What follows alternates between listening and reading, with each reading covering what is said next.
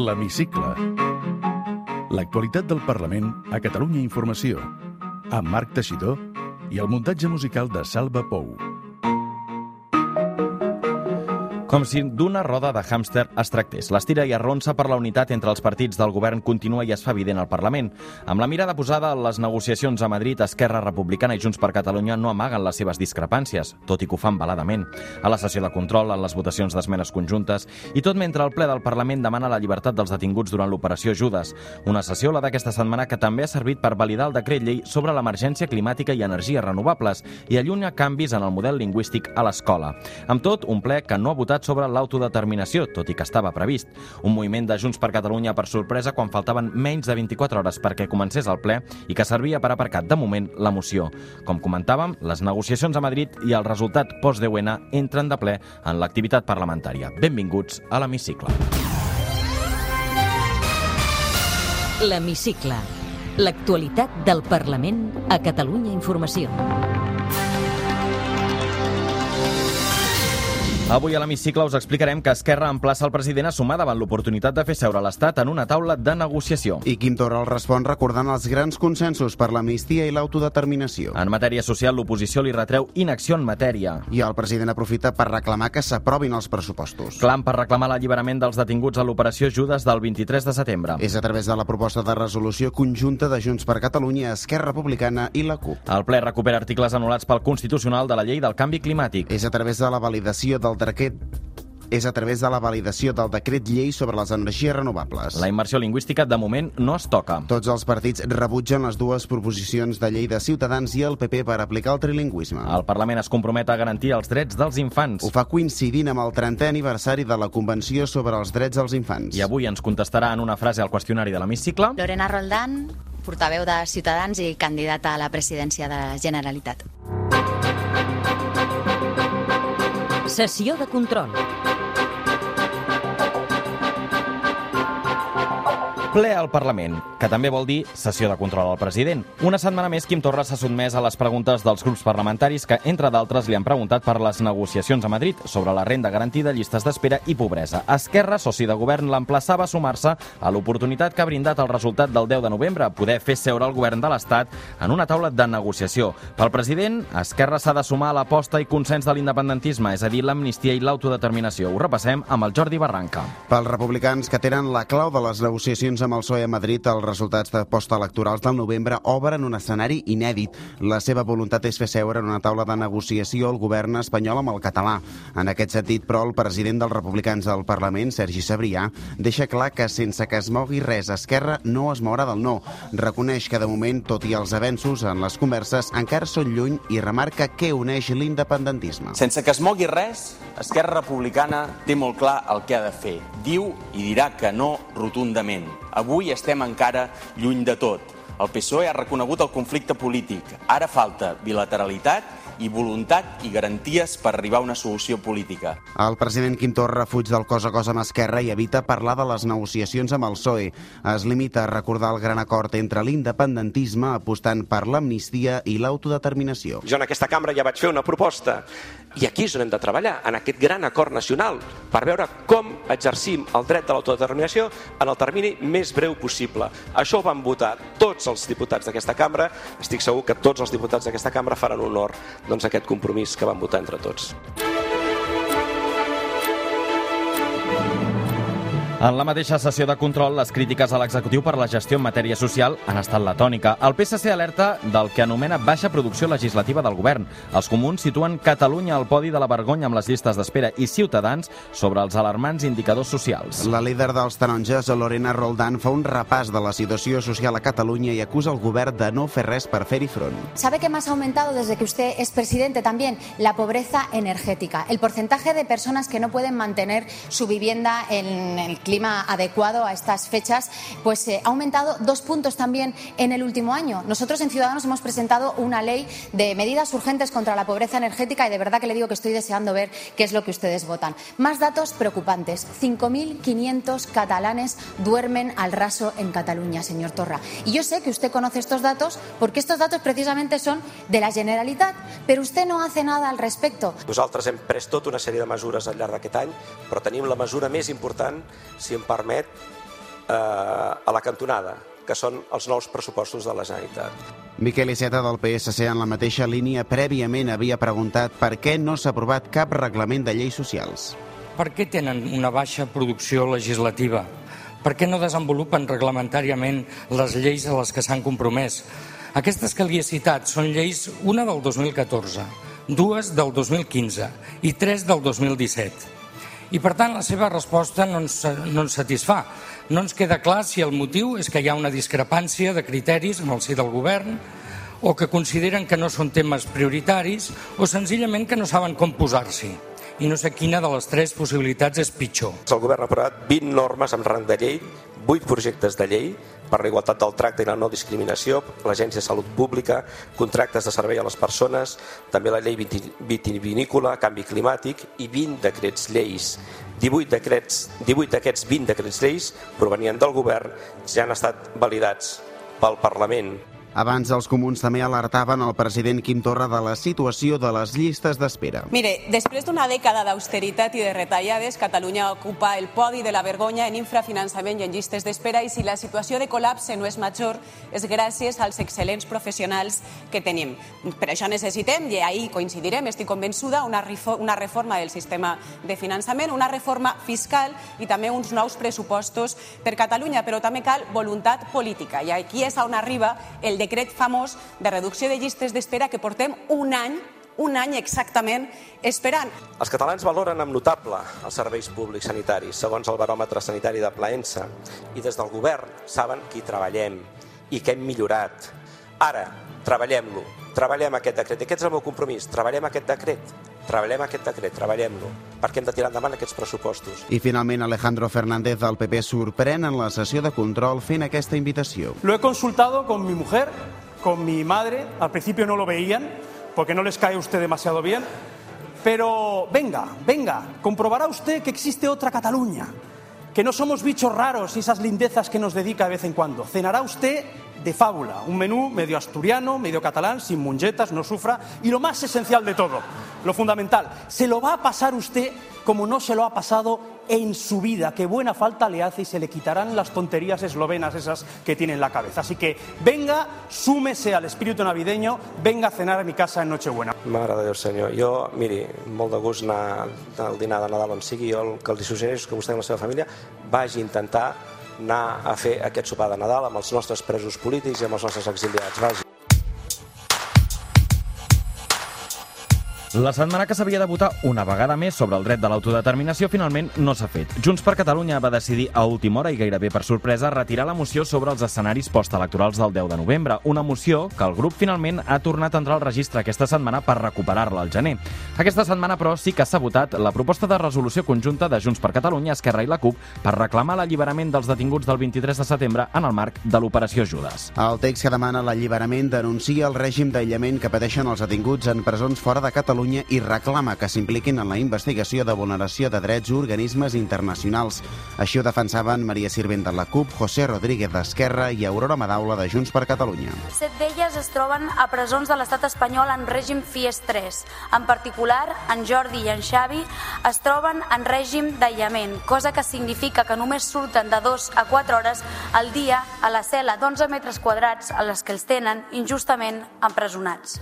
Totes les preses tenen les comunicacions intervingudes, fins i tot aquelles que mantenen amb les seves advocades. A Catalunya hem patit terrorisme i estem sota l'amenaça de possibles atentats. Cap d'ells és en base a cap moviment independentista. I és molt trist que, en aquest, que arribem a un nivell on es banalitza el terrorisme d'aquesta manera per un tribunal. L'hem escoltat a vegades en aquest faristol, però quan ho fa un tribunal encara és més greu. Tot això, en el fons, forma part d'un intent de criminalització d'un moviment que és majoritàriament pacífic i democràtic.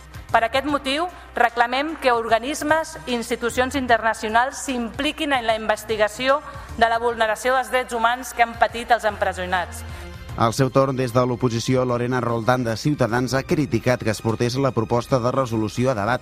En nom del PSC, Ferran Pedret demanava prudència. Susana Segovia dels Comuns criticava que l'Audiència Nacional utilitzés l'acusació de terrorisme per perseguir la dissidència i Alejandro Fernández dels Populars criticava que s'interfereixi en qüestions judicials. Lamentablemente ya viene siendo toda una costumbre.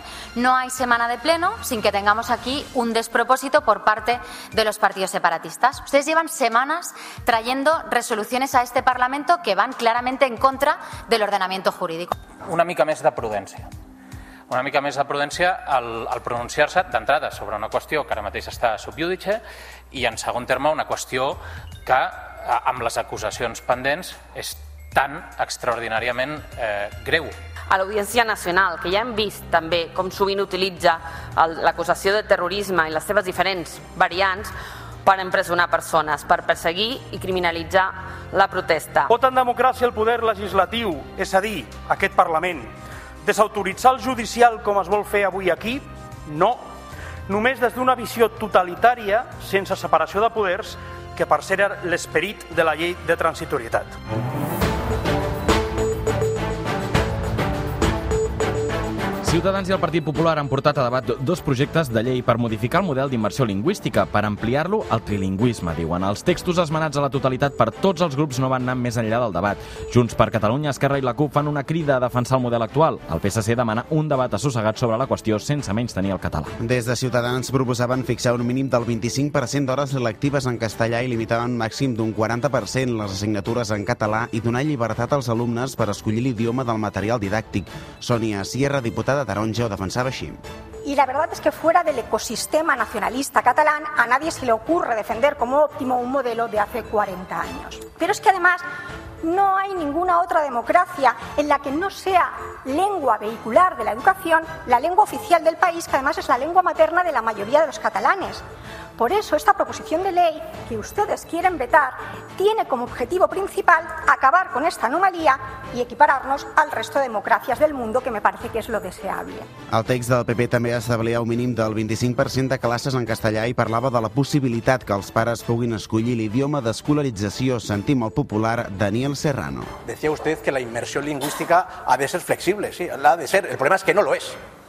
No lo es, ni siquiera lo fue bajo la presidencia de un presidente socialista, de dos, del señor Maragall y del señor Montilla. Ni siquiera ahí fue flexible la inmersión lingüística, porque no funciona, porque el objetivo de la inmersión lingüística no es garantizar derechos, no es garantizar derechos, es imponer la eliminación del español en la administración pública catalana y la educación es otra pata más.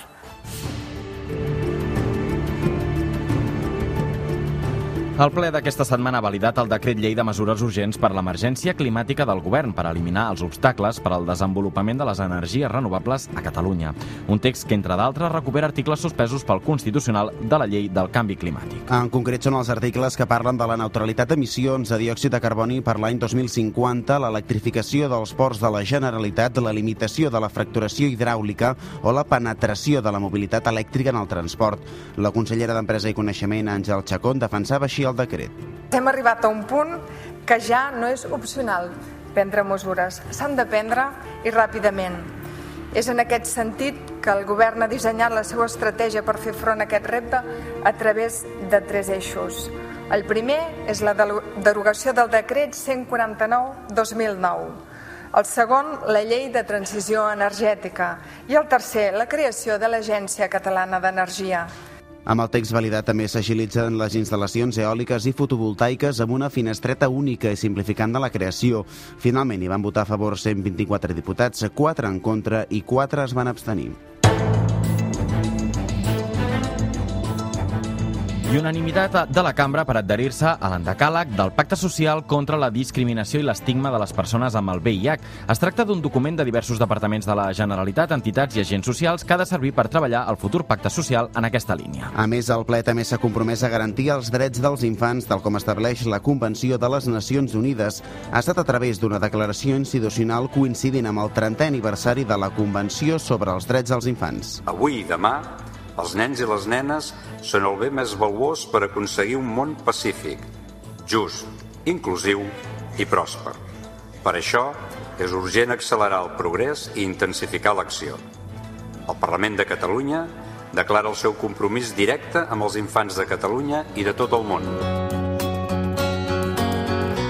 I tot plegat en un ple que dimecres a la tarda va viure un moment tens i alhora còmic. Una discussió entre els grups i el president del Parlament pel temps del qual disposaven els subgrups a l'hora de defensar-se les seves posicions. Maria Sirvent de la CUP va obrir el debat i la van seguir la resta de grups. Sirvent va demanar fins i tot aturar el ple per a convocar una junta de portaveus d'urgència. Aquesta és la seqüència dels fets. Sentim Sirvent, Torrent i el diputat popular Santi Rodríguez. Vaig sol·licitar que constés en acte perquè això no passés en seu plenària, que ens trobéssim davant del faristol amb un temps d'intervenció limitat i finalment eh, hem tingut eh, aquesta situació, s'ha donat al, al ple i hem hagut d'intervenir per un temps de dos minuts i mig i no de cinc minuts. Ho podran corroborar els altres portaveus que eren presents a la Junta de Portaveus. Es van pactar, en el cas de les propostes de resolució, 5 minuts, perquè tots els grups i subgrups van acordar amb la Junta de Portaveus limitar a 5 minuts. Aquí no s'ha limitat el temps de cap grup parlamentari. I la qüestió d'ordre és que, efectivament, i sense que serveixi de precedent, la portaveu de la CUP té absolutament tota la raó. Finalment es va reunir la Junta i una hora més tard es va reprendre el ple. Moment ara de l'entrevista a l'hemicicle. Té la paraula Lorena Roldán, portaveu de Ciutadans i candidata a la presidència de la Generalitat. Des de Ciutadans han atribuït a l'independentisme la polarització que es viu a Catalunya. Creu que la seva estratègia ha estat correcta? Nosaltres, com a estratègia, el que tenim doncs, és denunciar, per una banda, els abusos de l'independentisme i, per una altra, doncs, defensar a tots aquells catalans que no se senten representats per aquest govern.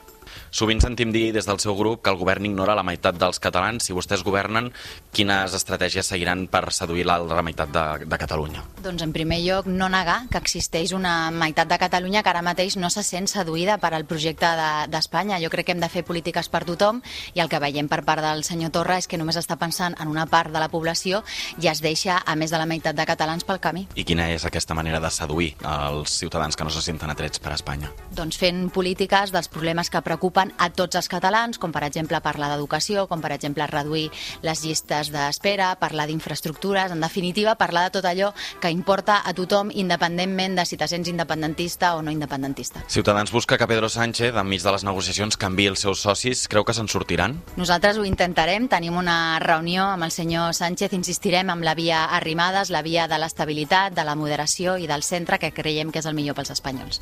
Creu que els resultats del 10 de novembre els avalen a demanar aquest canvi? canvi? Jo crec que nosaltres ara som la garantia de donar estabilitat al govern, un govern que no depengui dels nacionalistes i per tant insisteixo que continuarem amb aquesta via de 221 escons per tenir un govern moderat i un govern de centre i que no depenguin d'aquells que volen liquidar el nostre país. A Catalunya, vostè serà la candidata a la presidència de la Generalitat per Ciutadans. Farà canvi? Com ho afronta? Canvi respecte a l'etapa d'Inés Arrimadas? Doncs ho afronto amb molt d'orgull perquè la militància doncs, m'ha recolzat, tinc el suport del partit també, sóc conscient de que és una gran responsabilitat i continuaré doncs, defensant la llibertat i la convivència i, i la unió com hem fet sempre des de Ciutadans i especialment aquí a Catalunya. I tem que els resultats que van patir la seva formació el 10 de novembre els pugui arrossegar també a Catalunya o té alguna manera de, de fer-hi front? Nosaltres jo crec que tenim un equip molt preparat i insisteixo que, que jo encapçalo aquest projecte amb diputats que tenen moltíssima experiència. Estem ara en un moment de, de canvi, de replantejament també del partit, de treball intern amb la gestora que culminarà amb una assemblea al març i serà la militància també qui decideixi el futur del projecte de Ciutadans. Precisament, això li volia dir. Inés Arrimadas opta a liderar el partit a àmbit estatal. Eh, es veu acompanyant-la o amb la candidatura a la presidència de la Generalitat n'hi ha més que suficient? Bé, jo crec que estem en un moment ara que hem de respectar els temps, que la gent doncs, està preparant les seves candidatures, que és un procés obert on es pot presentar tothom que vulgui liderar doncs, el projecte i per tant doncs, m'agradaria respectar aquests temps i ja tindrem, eh, ja arribarem al març i ja veurem què passa. Uh, veu que les eleccions a la Generalitat de Catalunya per a la presidència de la Generalitat de Catalunya seran aviat o ho descarta? Doncs això potser li haurien de preguntar al senyor Torra, que ho té a les seves mans, però sí que és cert que veiem que aquest govern doncs, no funciona i que no, no impulsa lleis i no fa absolutament res i potser és l'hora de que el senyor Torra dongui un pas al costat. Respongui amb una paraula o una frase, si pot, aquestes qüestions. Amb la crisi climàtica cal doncs cal sobretot consens i moltíssima responsabilitat per part dels líders polítics. La pobresa energètica és... Per nosaltres és una preocupació i una prioritat i hem presentat una llei de mesures urgents per fer front a aquesta pobresa energètica. Quina llei li agradaria aprovar? Doncs una per reduir les llistes d'espera, que darrerament han sortit les xifres i continuem sent de les pitjors comunitats autònomes i, per tant, llistes d'espera a la sanitat. Per què ha decidit dedicar-se a la política? Doncs per la situació que estàvem vivint a Catalunya amb aquesta ruptura de la convivència i jo crec que mm, vull tornar a aquella Catalunya que jo vaig conèixer on doncs, tots es donaven la mà i tothom es respectava. I quan deixi la política, què es dedicarà? Doncs suposo que el que em dedicava abans, eh, sóc advocada i, i doncs tornaré a, a exercir la professió. Fa autocrítica? Sempre, sempre s'ha de fer autocrítica, quan et va malament, evidentment, però quan et va bé també està bé fer-la. Té una vocació frustrada? Doncs jo de petita volia ser periodista i em va quedar aquí una cosa, una miqueta la cosa aquesta, però bueno, després també em va agradar la, la professió que vaig triar. Té mútua o va a la sanitat pública? Tinc mútua, Pis de lloguer o de propietat? de lloguer. Una música que l'identifiqui? Doncs és que m'agraden moltes coses variades. Puc escoltar, no sé, Paula Alborán, que m'agrada moltíssim, eh, Ed Sheeran, Rosalia, sóc bastant eclèctica. Paisatge favorit? M'agrada molt el mar. Quin estil literari li és més agraït per llegir? Doncs suposo que una novel·la de, de suspens. Amb què es posa contenta? Pues quan, quan veig a, el meu gosset, el Happy, que el veig poquet i em fa sempre molt contenta. Què li fa por? Què em fa por? Doncs no sé, potser no, no aprofitar bé el temps, que passi massa de pressa. Amb quin diputat o diputada d'un altre partit té pendent fer un cafè? Doncs, uh, bueno, potser no és diputat, però sí amb la consellera Capella, que tinc coses a preguntar-li, a veure si així en la intimitat me les contesta, perquè quan li faig per escrit aquí a la sessió de control, doncs uh, no, no dona resposta. Completi la frase. El que més m'agradaria... El que més m'agradaria, doncs, que, que la convivència tornés a Catalunya. Moltes gràcies. Moltíssimes gràcies.